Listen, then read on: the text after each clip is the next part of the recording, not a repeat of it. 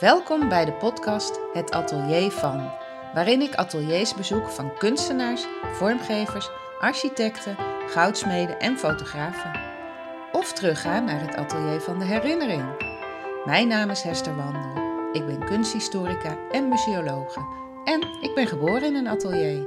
Ateliers zijn de rode draad in mijn leven, door mijn werk in musea, maar ook het kunstenaarschap van mijn moeder.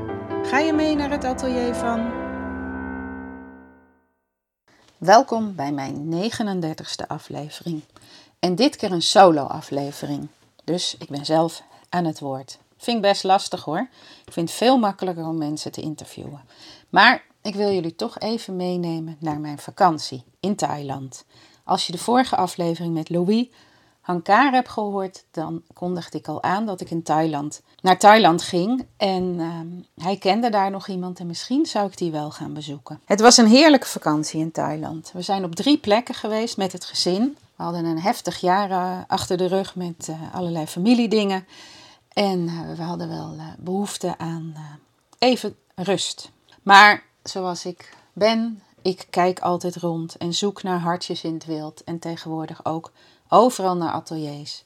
Dus ik heb veel foto's gemaakt van ateliers, van, uh, van ezels met uh, vlekken verf en alles wat ik voor atelier uh, aanzag. Bijvoorbeeld een mannetje wat een, een juk droeg met aan de ene kant een barbecue en de andere kant een bak met maiskolfjes.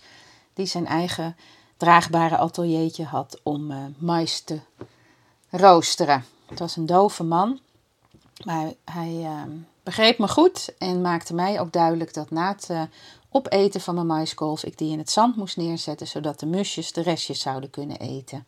In Bangkok zag ik op de avondmarkt een jongen met een scooter die uh, daar een stellage op had gebouwd. Uh, en hij gebruikte een walsje, wat een goudsmid gebruikt om metaal te walsen, om geroosterde of gebakken inktvisjes plat te walsen. En die hingen dan heel mooi op en dat kon je dan eten. Ja, daar had ik niet zo'n zin in, maar het zag er wel heel mooi uit. Ook was er in Bangkok een, een winkelcentrum. Nee, er zijn er heel veel en heel groot. Maar in eentje, die vooral over antiek ging, was een artist in residence. We waren aan het eind van de dag en er waren wat uh, kleine zaakjes waar kunstenaars een, uh, eigenlijk een soort galerietje hadden en uh, ook konden werken. Dus daar zag ik uh, schilders, uh, schilders, ezels. Ja, ik ben er niet naar binnen geweest, maar het was toch wel weer leuk om even te zien. Een hit op TikTok is de Artist House. Dat ligt aan een van de riviertjes in Bangkok. En daar komen ontzettend veel jonge TikTokkers. Want daar kun je kralen rijgen en schilderen. En ja, als iets eenmaal een hit op TikTok is, dat is, hier, dat is in Amsterdam ook, met uh, allemaal TikTokkers die wafels komen eten of patatjes. En daar was het dus schilderen. Het was er ook artistiek ingericht, maar wij liepen er alleen maar langs met onze gids, want ach, we hoorden toch eigenlijk ook niet tot de doelgroep. Um, we zijn ook in Krabi geweest en dan Aonang aan het strand. Daar uh, waren ontzettend veel toeristenwinkels. Uh, ook van die uh, ateliers waar schilders schilderijen imiteren of uh, filmsterren schilderden. En wat ik daar leuk aan vond was uh, een klein tafeltje met enorme dikke kloddersverf. Ik heb daar ook niemand gesproken bij de Friend Art Gallery, want het is niet mijn uh, smaak, die schilderijen. Maar het wordt daar wel met de hand gemaakt. Het is dus geen kopie en ook geen Chinese kopie, maar een Thaise kopie. Wat er het meeste uitsprong in Aonang, wat best een toeristische gebied is, want aan het strand, uh, zijn twee zaakjes. Er waren natuurlijk heel veel winkels met tasjes en van alles om te eten. Maar er was een goudsmid, Shock D, handmade, waar, uh, ja, die viel echt op. Hele mooie vitrines. In de vitrines lagen ook gereedschappen van goudsmeden. Het werd geleid door een, een Zweed die getrouwd was met een Thaise en veel familieleden in Krabi in het atelier had. Dus daar ben ik niet geweest. Maar ik heb er wel een ring gekocht met Labradoriet. Die uh, was na een paar dagen klaar. En die zweet die vond het kennelijk wel leuk uh, om met toeristen te praten. We hebben een heel gesprek over corona. En uh, nou ja, je zou hem bijna een wappie noemen. Maar um, Een hele mooie ring die dan weer gemaakt was door uh, het broer van de eigenaresse. En ja, dat is zo'n winkel waar je dan eens wat anders koopt dan de andere toeristen shit, zeg maar. Ook opvallend was um, Entwined Energy, Handmade with Love. Daar zat een jongen op de grond en die deed van alles met uh, draad, een soort gewakst draad. En daar zette hij ook edelstenen mee. Dus een soort macramé vormpje om uh, stenen in te zetten en uh, armbanden te maken. Het zag er heel mooi uit. Ja, en aandacht en liefde, dat is eigenlijk wat, wat je daar dan ziet. En dat zag ik ook bij een leuk zaakje, Trues, waar ze koffie maken. En eh, met heel veel aandacht ook uh, filterkoffie, alsof het iets heel bijzonders is. Terwijl we dat natuurlijk gewoon allemaal van thuis kennen. Van moeder of oma die filterkoffie zetten. Maar het is weer helemaal in. En ze deden het ook met liefde. En op je beker om mee te nemen zat een hartje. Nou, was natuurlijk helemaal naar mijn smaak. Maar de meeste indruk maakten twee ateliers. Eentje was van Joe. Hij zal vast een andere Thaise naam hebben. In Hua Hin. We gingen van Bangkok naar Hua Hin met de trein, een tocht van vier uur. Het leek wel eh, een vliegtuig, je kreeg te eten en als je het koud had waren er dekentjes. En toen we, um, nou ja, bijna eigenlijk voor Hua Hin nog en uh, daarna toen we het station inreden, uh, vielen mij meteen al de gravity op van ogen. Ik zag ze gelijk en, en op meerdere plekken. We gingen naar het hotel en onderweg zag ik ze ook, ogen en mannetjes een beetje, nou, je mag het niet vergelijken met Keith Haring, maar een soort poppetjes en heel veel hartjes in het wild die ik uh, verzamel. Dus ik heb de twee dagen die we in Hua Hin waren veel gefotografeerd.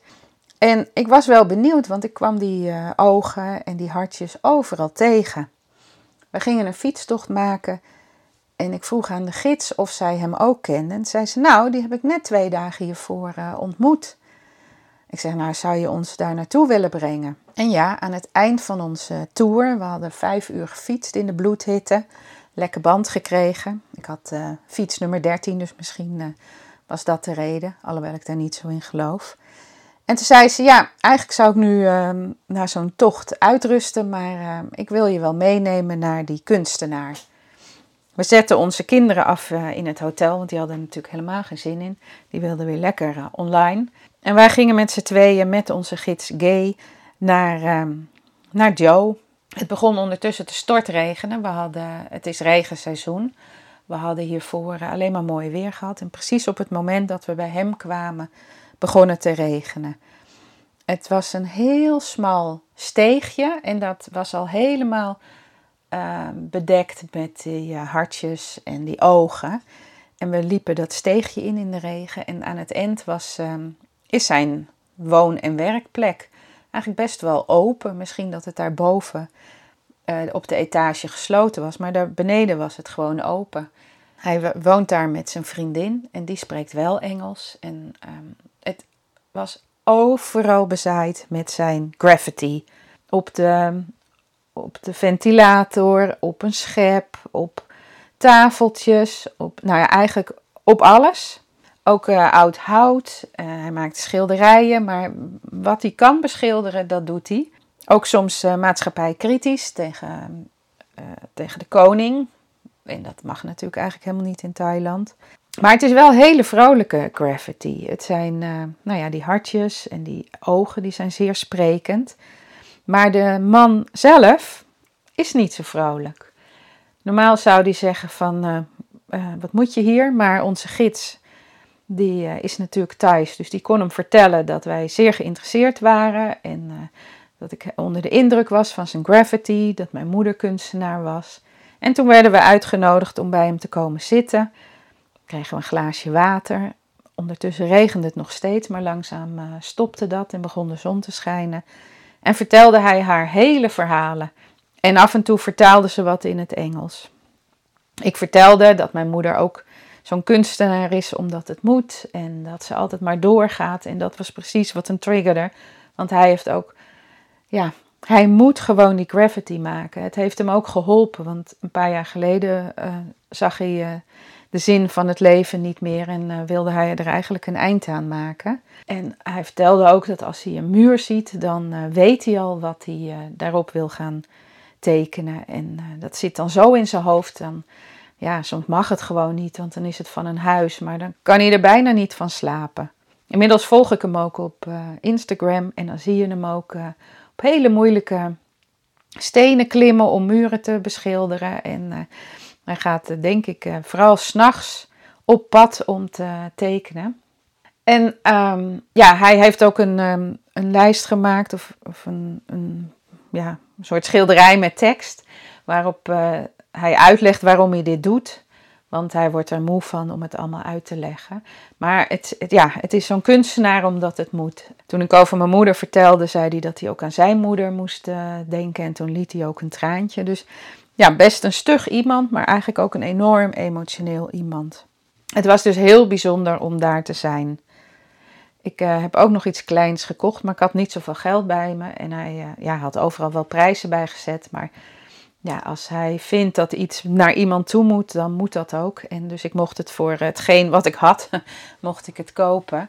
En toen ging hij ook nog speciaal voor mij een tekening maken. Dus was hij druk bezig en had hij ook weer een, een tekening met stift. Met weer die ogen en de, dat hartje. Nou, was natuurlijk heel bijzonder om dat van hem te krijgen. Ik was blij dat we hem ontmoet hebben. Want uh, ja, al zijn graffiti, dat maakt Hua Hin tot wel uh, ja, een mooie plek. Toen we daarna naar um, Nang gingen en je nauwelijks meer graffiti zag, vond ik het echt saai. Maar zoals ik al zei, was ik hiervoor bij Louis Hankar en die vertelde dat Martin Doutsenberg in, uh, in Thailand zit, in Bangkok. En toen zei ik, nou, misschien kan ik wel naar hem toe. En ja, ik kreeg contact met Martin en wil het toeval wil nou dat hij precies toen ik in Thailand was, in Nederland was.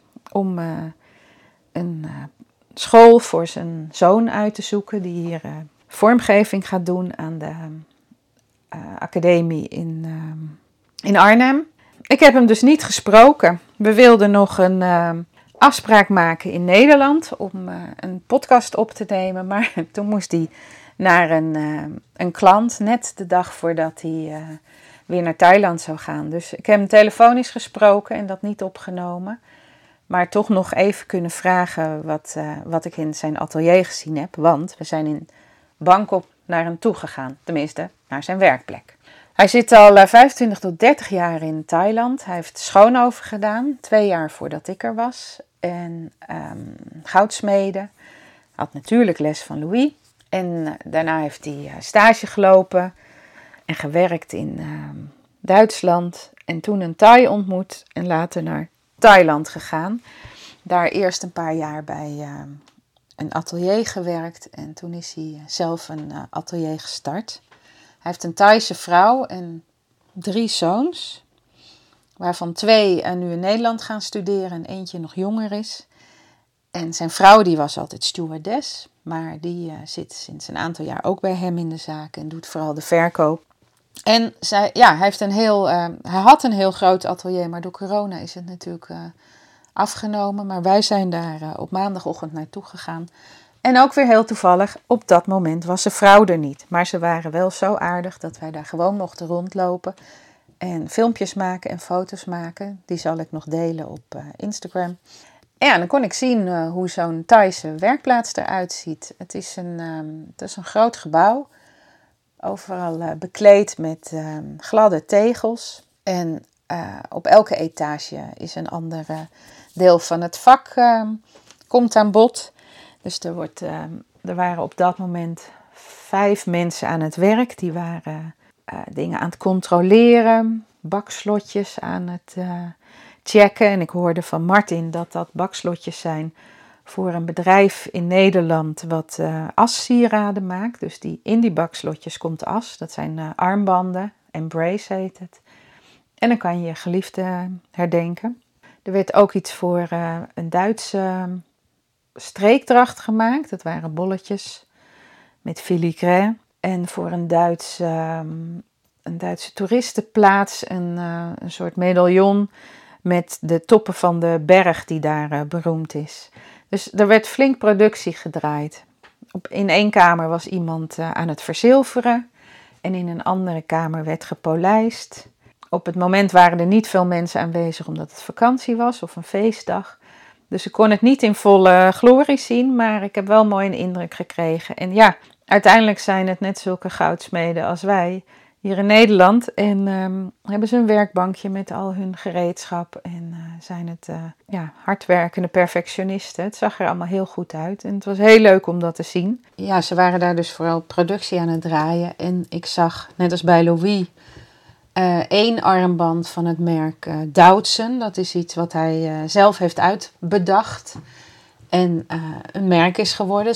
Het is een, armband die met, met de schakels een systeem heeft wat veert. Dus het is gewoon eigenlijk een strakke armband om je pols. Maar die heeft schakels die veren. Het heeft een systeem bedacht waardoor het wijder kan worden als je het om de pols doet. En dan gewoon mooi strak eromheen zit. En dat ziet er heel um, gelikt uit. Het, um, er zijn verschillende vormen. Er worden ook stenen ingezet. Helaas heb ik dus niet kunnen zien hoe die uh, dat maakt. Het heeft wel uh, hele mooie filmpjes uh, door zijn zoon gemaakt online. En ja, dat is natuurlijk wel jammer dat ik dat niet heb kunnen zien. Het was natuurlijk nog leuker geweest als hij er was geweest. Maar wie weet ga ik nog een keer naar Thailand. Door de podcast ben ik natuurlijk veel meer bezig met geluid. Dus in Thailand heb ik ook allerlei geluiden opgenomen. De herrie van de stad.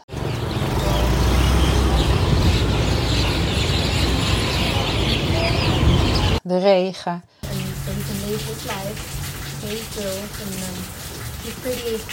De krekels, de kikkers vlakbij het hotel.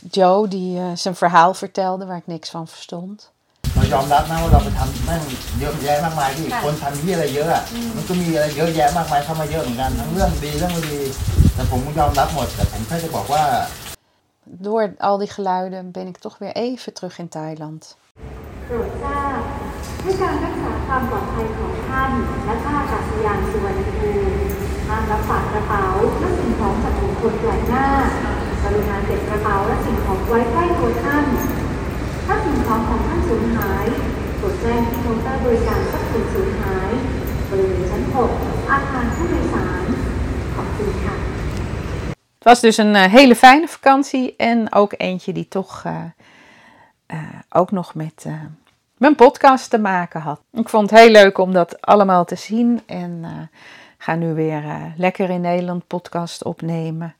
Als jij ook wil dat ik in jouw atelier kom, neem dan contact op via hetateliervan@gmail.com. En tot de volgende keer. Luister je graag naar deze podcast? Laat de maker weten dat je waardeert wat hij of zij doet en geef een digitale fooi. Dat kan zonder abonnement, snel en simpel via fooiepot.com. Fooiepot met een d.com.